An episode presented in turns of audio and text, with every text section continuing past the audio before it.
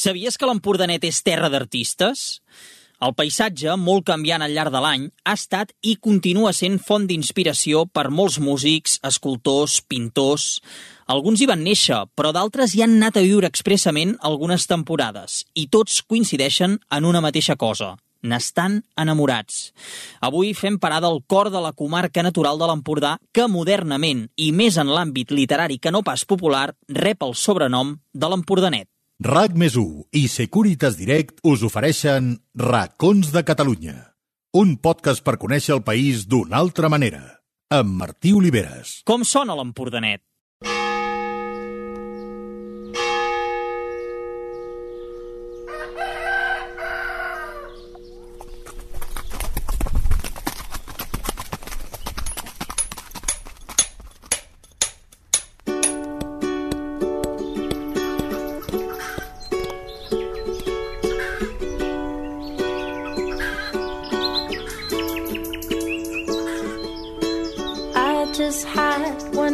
Those days that fall apart, getting me down, and thought that you could help cheering me up.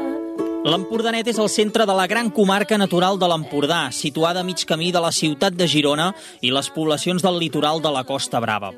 Geogràficament es divideix entre el Baix Empordà i una petita part del Gironès, però administrativament tots els seus municipis s'engloben al Baix Empordà. És un territori força extens que comprèn tota la plana del Baix Empordà des del mar Mediterrani fins a tocar del massís de les Gavarres. La majoria dels seus pobles es troben al pla, entre camps de conreu, petits turons i boscos de píals i nassoreres. La Bisbal d'Empordà, que és la capital de la comarca i també de la ceràmica, Pals, Palau-Sató, Peratallada, Ullestret, Cruïlles, Monells, La Pera, Púbol, Madremanya, Yes, I know. I said I wouldn't call. Just thought it'd be nice to say hello. How's your life been coming along? L'Empordanet té un entorn natural ideal per descobrir tot passejant tranquil·lament a qualsevol època de l'any gràcies al seu clima suau. Ho podem fer a peu, en bicicleta o fins i tot a cavall. El massís de les Gavarres, declarat espai d'interès natural, és una petita joia de muntanya a tocar del mar i des dels seus cims, de poc més de 400 o 500 metres a tot estirar, podem gaudir d'unes vistes esplèndides de tota la plana empordanesa, del Pla de Girona, de la desembocadura del riu Ter i, fins i tot, del petit arxipèlag de les Illes Medes. Però si una cosa té l'Empordanet és història, molta història. Els seus pobles són com petits museus a l'aire lliure amb un marcat caràcter medieval on destaca sobretot el castell Gala Dalí de Púbol. I gràcies a la seva situació privilegiada i al seu paisatge, ha despertat l'interès de molts artistes per viure-hi i per desenvolupar-hi els seus projectes, i alguns vinguts de molt lluny.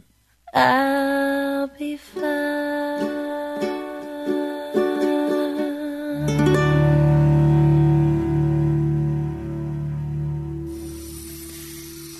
Mireu, ara mateix sóc entre Cursà i la Bisbal d'Empordà, aquesta recta que fa la carretera que enllaça aquests dos municipis del Baix Empordà.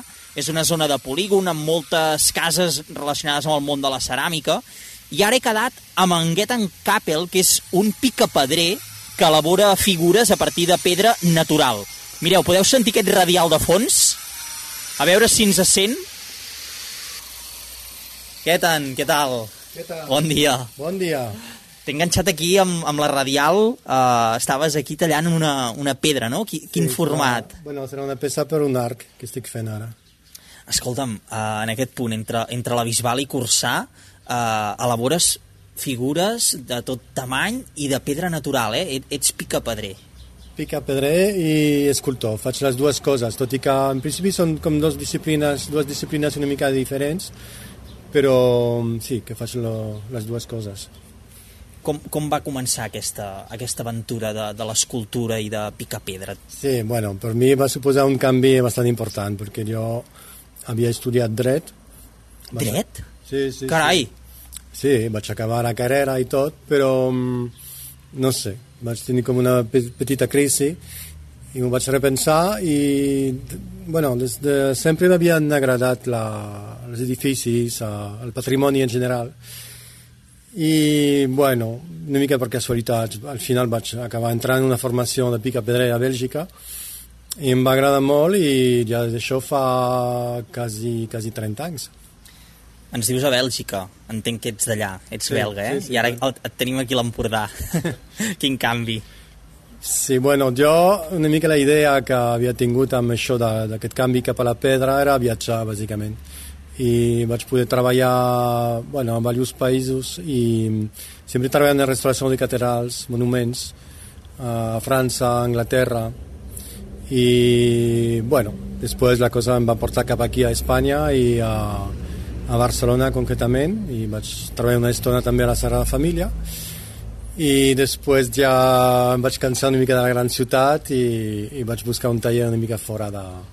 Un moment, estic parlant amb una persona que ha treballat pedres que tenim avui en dia a la Sagrada Família. Clar. És, és molt fort, això, eh?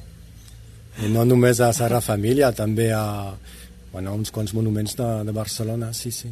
Ostres, ostres, no sé, m'he quedat força, força parat perquè potser normalitzem els que som d'aquí anar a veure la, la Sagrada Família, però que, que tinc a davant una persona que, que, que ha picat pedra, no? que ha estat fent escultures i peces per, per aquesta magnífica basílica que tenim al centre de la, de la ciutat de, de Barcelona. Um, el paisatge de l'Empordanet eh, és molt divers en funció de l'època de l'any i entenc que una persona com tu, que sou de l'art, d'elaborar, d'inspirar-vos, alguna relació hi deu tenir o, o, o no? O et ve d'una altra font, la inspiració? Bueno, jo d'entrada treballo aquí, aquí fora, no? que, sota aquest cobert tot l'any, vull dir, tot l'any literalment. I sí, clar, um, aquí aquest taller, bueno, és una, un taller que ja fa, fa molts anys que funciona, no? I doncs, clar, aquí hem tingut contacte amb aquest territori, amb, amb els pobles, la restauració de masies des de fa molts anys, i una cosa que a mi m'ha sobtat una mica no, és a la diversitat geològica que tenim aquí a, a, a l'Empordà i a l'Empordanet i intento, bueno, intento mantenir una mica aquesta memòria geològica també, saps? De, hi ha molts tipus de pedra que, bueno, actualment, clar, la cosa és una mica diferent perquè aquestes pedreres antigues de pobles s'han tancat però mm, interessa, crec que interessa explicar a vegades a la gent el que, lo que tenen aquí, eh, que literalment la gent no, no ho sap això, que a cada poble tenia la seva pedrera quasi, eh, cada poble té una mica el seu color també, si et fixes una mica a les façanes i, i veus que mm, hi ha una diversitat, saps? I, que, quilòmetre zero. Vull dir, són coses, conceptes que, que tornen amb molta força actualment, saps? I, i la feina també, l'ofici de picapedret jo crec que té, té, té molt de futur. Una altra cosa és que penso que no se'n parla bé o de, no s'explica bé el que és a vegades, perquè sempre sembla com un ofici vell, no? un ofici antic, un ofici d'aquests que ja ningú es dedica a això. I, i no és veritat. Però, clar, per això faig una mica de...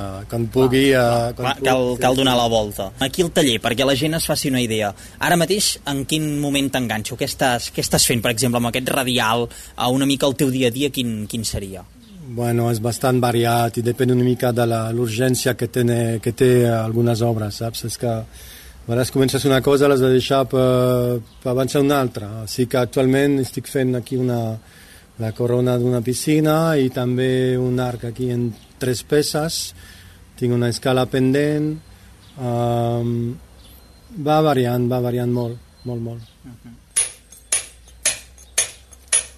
I és molt, molt, molt diferent treballar així de manera manual. És un altre ritme. I, bueno, um, abans la gent cantava, per exemple, treballar, no podia xerrar també, saps? Havia una, aquest aspecte de grup. Mm. Ara, clar, amb les màquines tothom està una mica així al seu món Clar, t'aïlles. i en això hem perdut, està clar. Potser avancem més ràpidament, però jo crec que no, no és el camí que ens interessa realment com a persones.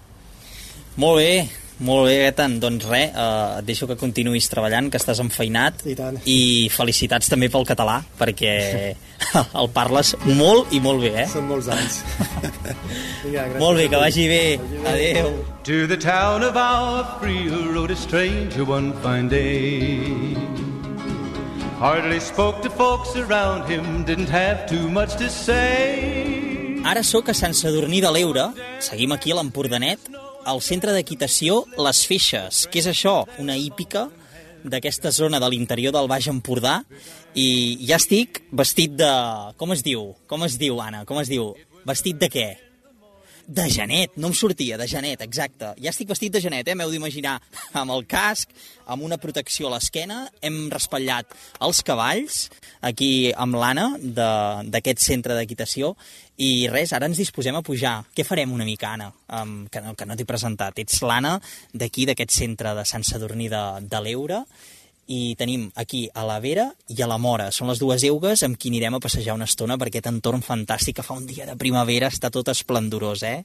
Sí, has vingut en un dia super especial. Se senten els ocells, fa un dia fantàstic i em sembla que gaudirem moltíssim d'aquesta petita excursió. Doncs vinga, som-hi. Intento pujar, a veure... Mira, jo t'ajudo. Uh, posa aquesta mà aquí. Sí? Aquesta mà aquí. Val. A veure, eh? Doblesa, Una pota aquí. Una poteta, què? fes un impuls cap amunt i puja. Hop. Ai, no, no he pogut. Vinga, a la una, dos, tres. I pugem. Un, dos, tres. Molt bé.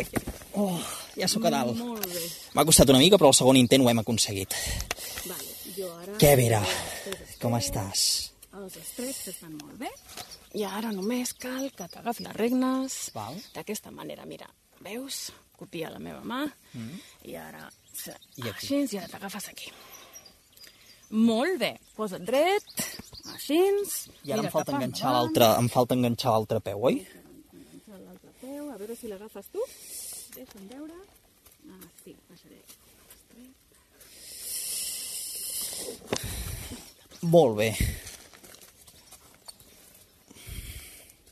Estic una mica nerviós, eh? us ho confesso, perquè fa molts anys que hi vaig anar a cavall i ara no. Aita-la, aita-la, com es mou.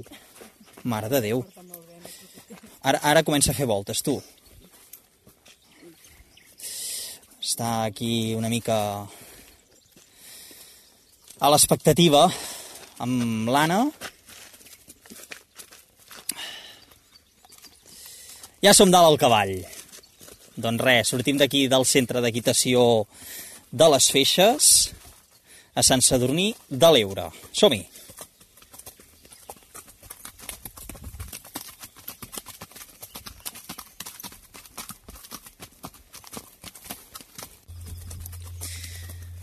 Som aquí a l'Empordanet passejant a cavall, desconnectant, em deies, dels problemes, eh? dels problemes que podem tenir tots.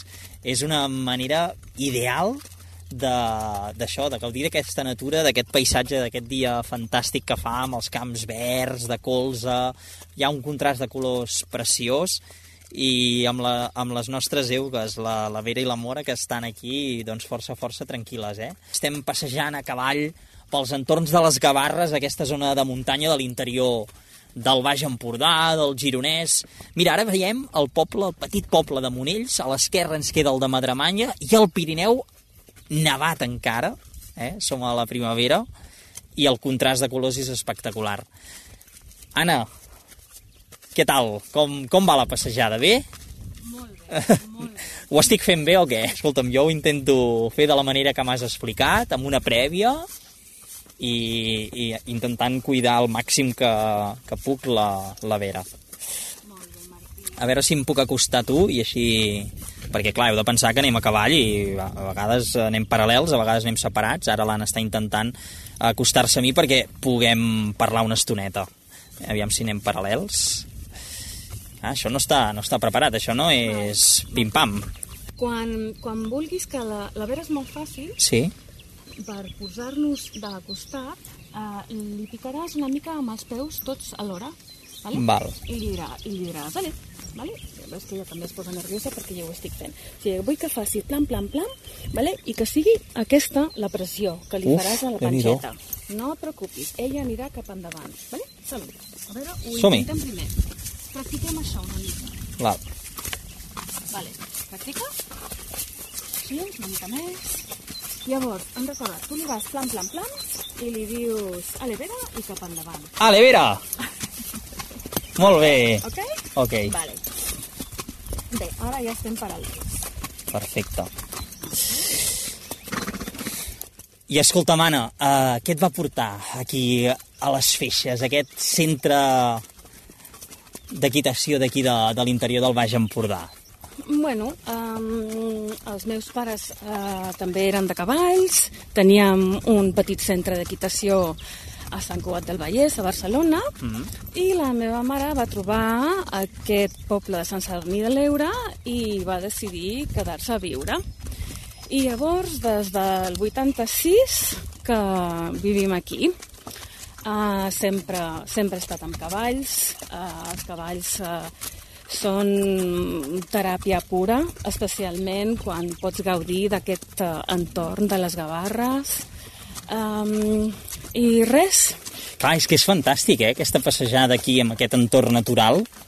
És una manera de connectar amb la natura i de desconnectar del nostre dia a dia, dels problemes que, que tots podem tenir. Sí, fem la passejada eh, relaxadament, eh, en el pas, gaudint dels, dels rierols, dels corriols... Um, és la millor manera de gaudir les passejades a cavall per aquest entorn com hem anat dient, això d'anar a cavall, a veure, en un moment donat vull parlar amb l'Anna, però la Vera se'n va a buscar aquest camp del costat. a veure, ara... Ai, ara sí, ara sembla que sí. Anna, em deies. Per gaudir de les sortides és important tenir una base que ens donarà una mica més d'equilibri i independència. Um, si, si fem unes 10 classes amb un monitor a, a un centre d'equitació, um, podrem desenvolupar un equilibri i una seguretat, una independència que ens ajudarà a gaudir molt més de les excursions i no dependrem de que ens agafin o que el cavall es posi a menjar herba al mig de, de la passejada. És per això que reitero que és important um, fer um, unes 10 classes d'equitació. Uh, així ens disfrutarem molt més de la passejada.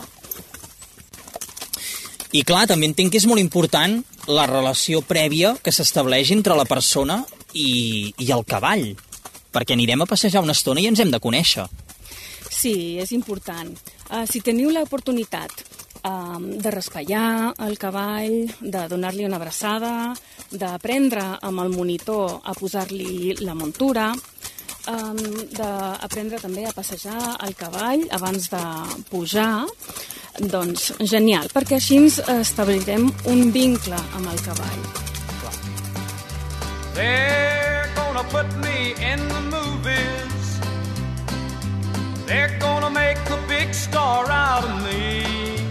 i ara, abans de continuar la ruta per l'Empordanet, deixeu-me que us recordi que ja tenim aquí a la Sònia, que avui ens explicarà alguns dels serveis de Securitas Direct perquè estiguem ben tranquils mentre voltem per Catalunya. Well, Sònia, endavant! Com esteu? Avui us explicaré com funciona l'alarma de Securitas Direct perquè estigueu tranquils quan viatgeu a alguns d'aquests indrets tan bonics que ens recomanen Martí, ja que casa vostra i sobretot les vostres pertinences estaran ben protegides. Mireu, si sou fora de casa i us heu oblidat de connectar l'alarma, no us preocupeu, perquè a través de l'aplicació de Securitas Direct podeu connectar i desconnectar l'alarma i configurar-la com us vagi millor. A més, si us oblideu de fer-ho, l'aplicació també us ho recorda. Un altre avantatge que té l'alarma de Securitas Direct és que podeu veure qualsevol part del vostre habitatge a través de les càmeres i en alta resolució quan sigueu fora. A través de l'app podeu seguir què passa en tot moment a casa vostra i si hi ha cap problema, amb el botó SOS podeu avisar els experts en seguretat a qualsevol hora. Sempre hi són per ajudar-vos. Així d'eficient és l'alarma de Securitas Direct. I és que a casa vostra o al vostre pis o apartament és on hi ha tot el que val la pena protegir. Si per vosaltres és important, confieu en Securitas Direct.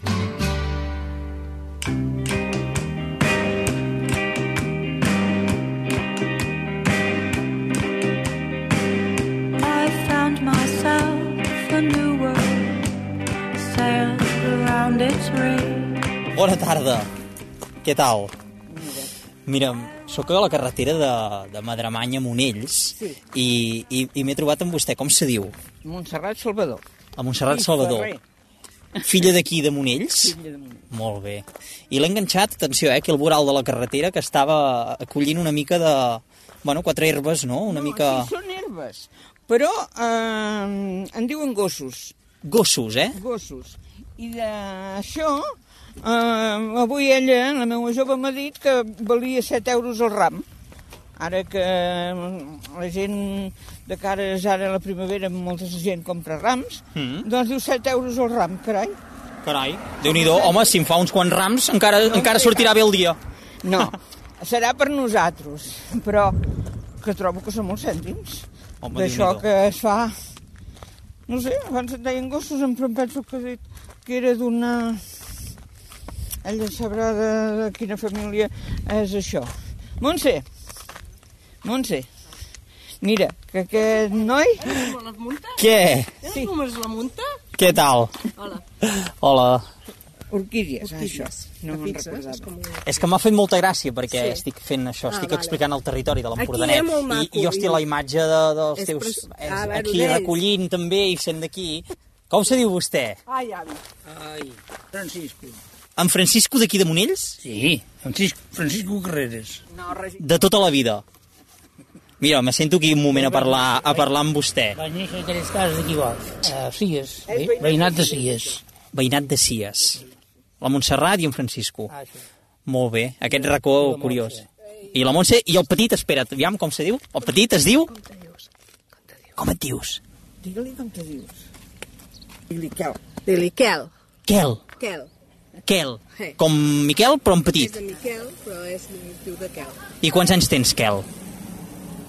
Ui, que se'ns ha menjat la llengua el gat ara, home, clar. No, és petitet encara.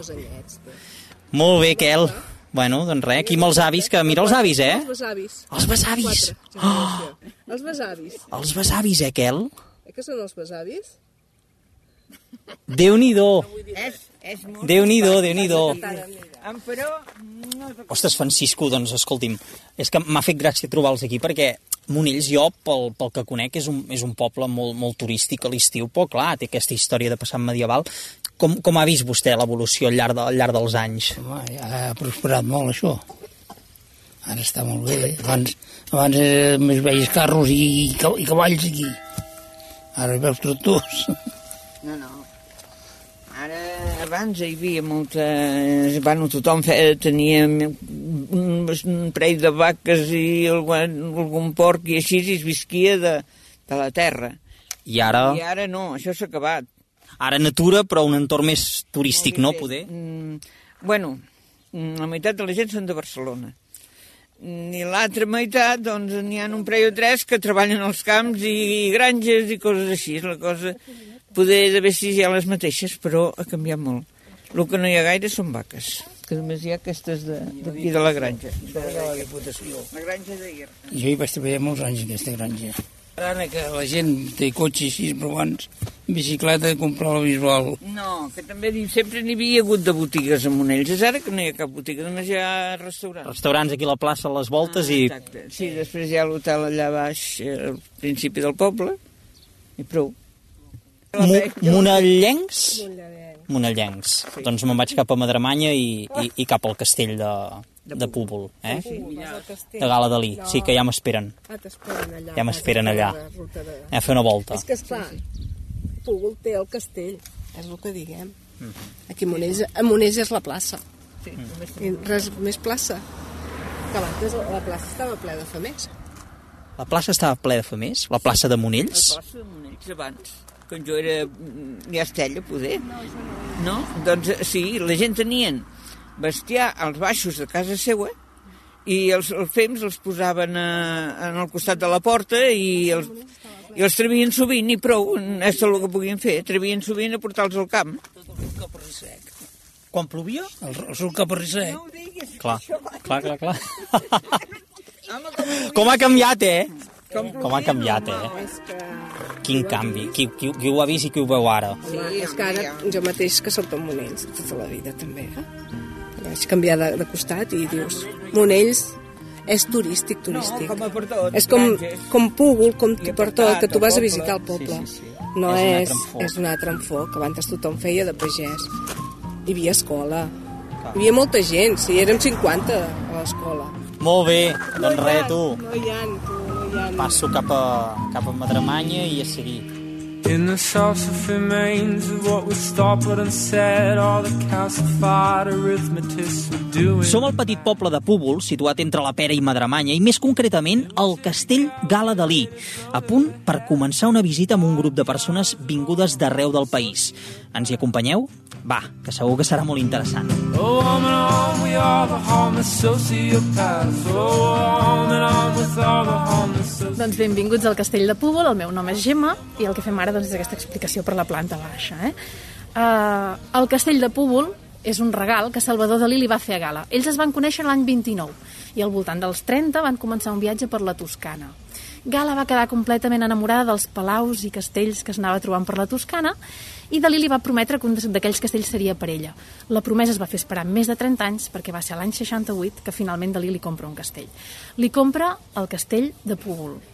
Va estar buscant per la zona ja que Gala en aquell moment tenia 74 anys i no li pot buscar a Itàlia, a la Toscana, perquè és un viatge molt llarg, li busca alguna cosa que quedi més propera a la casa de Portlligat on ells vivien.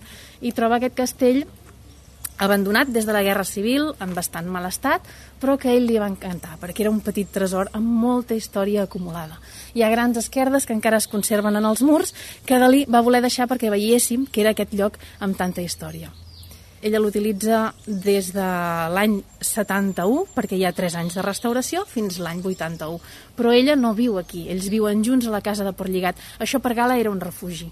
A finals dels anys 60 hi ha un boom turístic a Portlligat, a la zona de Cadaqués, Gala eh, no era gaire amant de, de, de les masses, d'haver-hi gent, era poc sociable, per dir-ho d'alguna manera. En canvi, Dalí era totalment el contrari. Dalí convidava molta gent a casa seva i Gala a vegades se sentia com una mica una estranya. En el moment que Dalí li regala aquest castell, eh, es converteix en aquest lloc on escapar-se quan els turistes comencen a pujar a Portlligat. Eh? Llavors és aquest refugi que ella accepta amb una condició. Quan Dalí li regala, li diu sí, sí, i tant, però eh, hauràs de venir amb una invitació escrita per poder-hi entrar. Sense invitació aquí no podia entrar. I era una mica aquesta part del joc que ells, que ells tenien, en què ell es converteix en una espècie de cavaller que ve a visitar la seva dama en aquest castell medieval, que ja existia al segle XI, però que les restes més antigues realment són de finals del XIV, finals del XIV, principis del XV. El meu país és tan petit que quan el sol se'n va a dormir mai no està prou segur d'haver-lo vist. En aquest 14è capítol hem passejat per l'Empordanet, aquest país petit de l'Empordà que es troba mig camí de Girona i de la Costa Brava. La història dels seus pobles, encapçalada per un passat medieval, la vida de molts artistes de disciplines molt diverses o l'entorn natural que té l'han convertit en una de les zones més singulars del nostre país i que més visitant rep al llarg de l'any. Perquè el que fa atractiu l'Empordanet és el paisatge, és el clima, són les pedres, però sobretot és la seva gent. El meu país és tan petit que quan el sol se'n va a dormir mai no està prou segur d'haver-lo vist. RAC més i Securitas Direct us han ofert Racons de Catalunya amb Martí Oliveres.